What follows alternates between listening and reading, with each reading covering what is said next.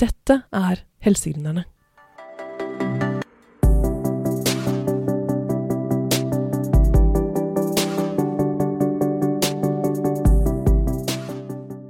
I dagens episode skal vi få møte lege og gründer Torbjørn Furuseth i Dumore Diagnostics. De skriver at de ønsker å transformere kreftdiagnostikk ved hjelp av kunstig intelligens for å forbedre pasientbehandling og gjøre utvikling av legemidler mer effektivt. Velkommen i studio, Torbjørn. Takk for det, Ida.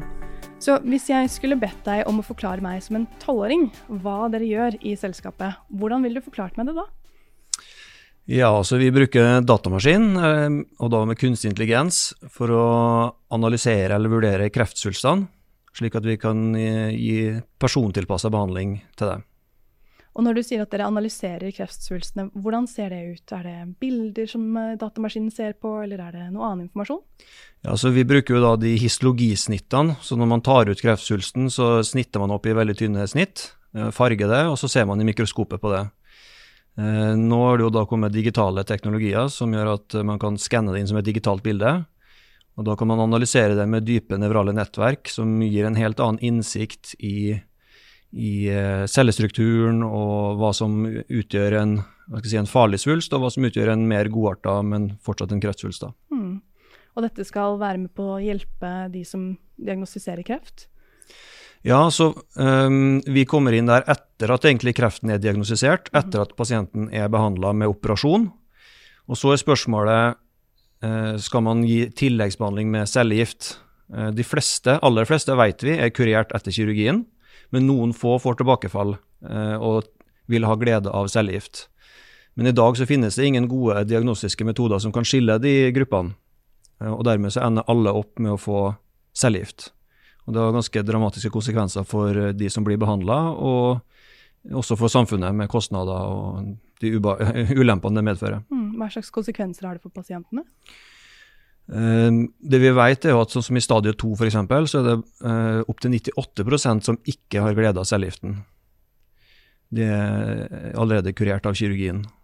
Og opptil 1% dør som en direkte konsekvens av uh, å bli behandla med cellegift. Uh, og så er det 30% som får kroniske plager etterpå, som aldri kommer seg tilbake igjen, som har trøtthet og slitenhet og nevropatier, altså at, at fingre og føtter ikke kjennes normale ut lenger som de har resten av livet. Så det er en betydelig nedside å bli utsatt for en cellegifta, som, eh, som man faktisk blir. Eh, og når da gleden av å få det tilfaller såpass få, så er det da veldig, veldig viktig å kunne komme med nye eh, diagnostiske tester som gjør at du kan plukke ut eh, i hvert fall mange av de som, som ikke har glede av det. Mm, det er ganske viktig da, å sørge for at pasienter som ikke skal ha cellegift, ikke får det. Mm. Og det gjør deres verktøy. Ja. Mm. Så vi har uh, eh, utvikla det verktøyet da, gjennom et stort uh, forskningsprogram uh, som var ledet ut av Oslo universitetssykehus. Hadde et sånt fyrtårnprosjekt fra, fra Forskningsrådet for uh, fem år siden. Der man har utvikla sånne dyplæringsalgoritmer da, med kunstig intelligens, der du da først ser på bildet. Da har vi 90 millioner bildeelement, og så holder vi det opp med hvordan det faktisk gikk med pasienten til slutt.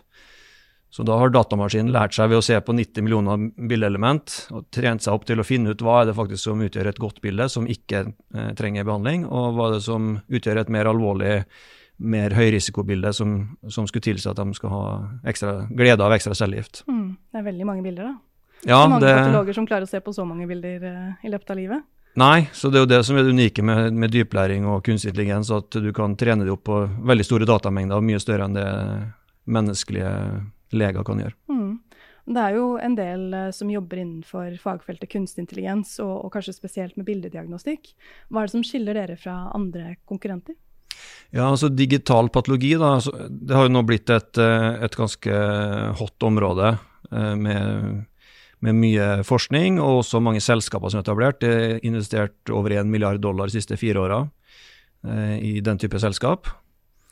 Og, og, det de fleste driver med, det er å identifisere og detektere eller finne kreften i svulsten. Fordi det er et stort bilde, og det kan være av og til vanskelig for en, for en patolog også når du skal gå gjennom mange tester eller bilder i løpet av en dag, og faktisk finne noen små kreftforandringer. Så, så noen kan bli oversett. Eh, så det vil jo da de algoritmene hjelpe til, og også kanskje være litt mer nøyaktig i, i um, graderingen kan du si, av svulsten.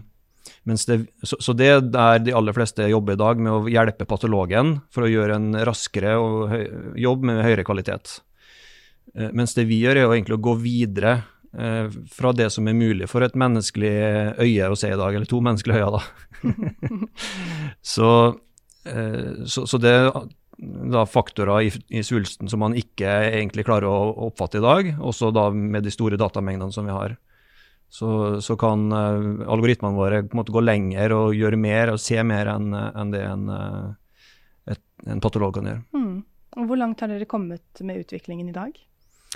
Jo, vi har eh, algoritmen vår publisert i eh, to tidsskrifter. Først i The Lancet, eh, og så i The Lancet Oncology. Så det er veldig anerkjente tidsskrift som har, som har, publisert. Så det er viktig for oss når vi går videre. Og så mm, har vi jo da utvikla en egen applikasjon som, som kan brukes i, i, behandling. Den har vi fått sånn C-merke på, så det betyr at den er godkjent for markedsføring i Europa. Eh, og nå Forrige uke så annonserte vi også at vi har integrert løsningen med Sectra, som er den største eh, software-løsningen i verden eh, innenfor både radiologi og også nå digital patologi. Så man kan finne deres løsning i, i de digitale plattformene som man bruker som patolog? Ja, ja wow. så det er det som er litt unike her, at vi har en veldig dyp innsikt i bildet, men vi kan gjøre det helt sånn sømløst og integrert i dagens arbeidsflyt Riktignok en digital lab, men da kan vi integrere det helt eh, sømløst. Så det er bare noen tastetrykt, så får man kjørt analysen og, og ut en rapport som, som, genereres automatisk. Kjempespennende. Eh, hvordan oppsto denne ideen, eller dette arbeidet egentlig, i utgangspunktet? Ja, så det er jo eh, professor Håvard Danielsen på Institutt for kreftgenetikk og informatikk. Han og, han og instituttet hans har drevet med digital patologi i 20 år med ulike prosjekt og, og forska på det.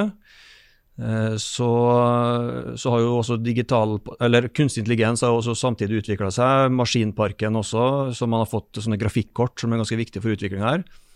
Så, så, etter hvert så har man jo sett at uh, datamaskinene blir så kraftige, man har fått de grafikkortene som gjør at du kan faktisk da trene opp algoritmer på uh, sånne digitale snitt. At de rett og slett kan se mer detaljer da, på bildene? Ja. ja spennende. Mm.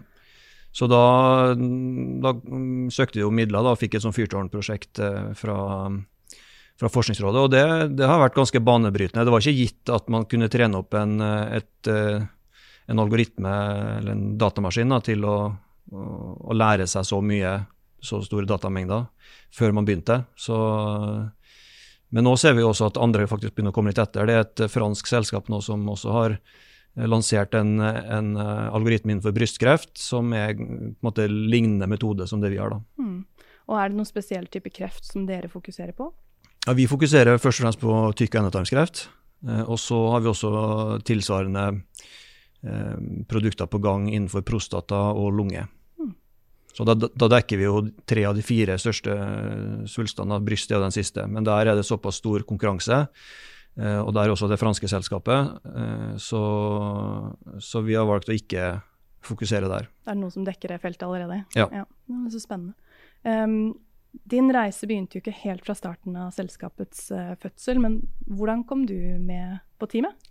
Ja, så, så når det forskningsprosjektet her gikk mot slutten, så man ut, skjønte man at det her hadde kommersiell potensial. Og da gikk man jo gjennom Invento og etablerte på en måte, eller ga rettighetene til Invento, og så ble det etablert et selskap. Og Invento, det er da? Det er jo da eh, hva skal jeg si, Tech Transfer Office eh, på, på ja, nå skjønte jeg det. det er de som forvalter oppfinnelser fra, fra universitetet og, og Oslo universitetssykehus mm. Eh, som kan ha kommersiell anvendelse. Så, så, ble det etablert et selskap, og, og investorer som syntes det så veldig spennende ut. Så, så, da jeg måte Da trengte de da en, en, daglig leder for å komme først inn i selskapet og bygge selskapet. Så, så det var jo sånn jeg kom inn. Og den generelle interess, interessen min som, eh, som lege har jo hele tida vært å, å kunne spille en viktig rolle i en viktig innovasjon. Og det føler jeg definitivt at muligheten her med, med på en måte det grensesnittet mellom uh, cutting edge medisin og teknologi sammen. Og Hvordan var det å bli daglig leder da, for et selskap? Nei, det var, det var bra, det. det var litt ensomt i begynnelsen. Altså, har, har vi bygd et team nå, så nå har vi fem. Eh, men eh, nei, det var jo, det var jo bare å brette opp ermene og måtte alt, Man må jo på en måte gjøre alt sjøl i begynnelsen. Og så, og så eh, er det viktig å få et sterkt team på plass som kan jobbe godt sammen. Og det, det har vi gjort så langt, i hvert fall. Mm. Og dere har jo internasjonale samarbeidspartnere, har dere ikke det? Ja, vi har eh, Litt går jo gjennom Forskningsinstituttet også. Eh, men vi har linka oss opp mot toppmiljøet i Japan og Australia. Og selvfølgelig allerede så var det jo linka opp mot Oxford også da, i, i, forskningsprosjektet, så linken er jo der fortsatt. Og så jobber vi nå med, med for samarbeid med flere akademiske senter globalt, egentlig. Europa, USA, andre. Og så har vi jo også tilsvarende avtaler som med Sectra. Det finnes andre softwareplattformer som vi også skal integrere på nå, der vi har signert uh, avtaler. Og hva, hva er store, det store utfallet for selskapet med å ha disse internasjonale partnerne? Hva slags påvirkning har de på selskapet? Altså Når du skal lansere en ny diagnostisk test, så er det veldig viktig å ha eh, god dokumentasjon, og du må ha forankring i fagmiljøet. Eh, uten det så tror jeg, ikke det kommer noen vei. Så, så, det å bygge opp den relasjonen tidlig, så de er med og, og i utviklinga og også kan guide litt på hva som kan være lurt å se på og kan bidra, så er det eh, ganske avgjørende for, avgjørende for, å komme inn i, i, klinisk praksis og at det faktisk blir brukt. Tror du det er vanskeligere eller lettere å starte et selskap som kommer fra forskning, eh, hvis du sammenligner med det å skulle starte opp en startup uten forskningsbakgrunn? Eh, si det. det. Jeg tror nok at det gir sine egne muligheter og utfordringer, begge to. Eh, hvis du skal i hvert fall drive innenfor medisin, så er det jo veldig viktig å ha en solid vitenskapelig forankring. Eh, og så er det kanskje viktig at du tidlig finner ut markedspotensialet. Er det her på en måte bare en spennende forskning, spennende teknologi? Eller løser det faktisk et problem som noen er villig til å betale for? Så det tror jeg er viktig for, eh, for eh, si, medisinske eh, oppfinnelser eller innovasjoner. Mm. At man tidlig finner ut at det faktisk er et marked. Og så tror jeg også det er veldig viktig å, å skjønne litt mekanismene som fungerer. fordi det, kan, det, er veldig mye som kan være bra på et høyt nivå, men så de ulike beslutningstakerne som faktisk skal bestemme, for de er det kanskje ikke nødvendigvis så bra, eller det kan være Eh, faktorer som gjør at, at, de vil tape penger på avdelingen hvis de innfører den metoden eller den testen eller noe sånt. Så, så, så det å på en måte forstå mekanikken her og hvordan, eh, hvordan, man kan få en kommersiell modell til å stå, er jo viktig, eh, kanskje spesielt innenfor mer sånn forskningstunge mm. oppfinnelser du har jo en utrolig variert bakgrunn, så det er ikke noe rart at du kanskje ble en CEO med masse forskjellig erfaring. Og en av de eh, erfaringene du har med deg, er at du har vært lege for Molde fotballklubb.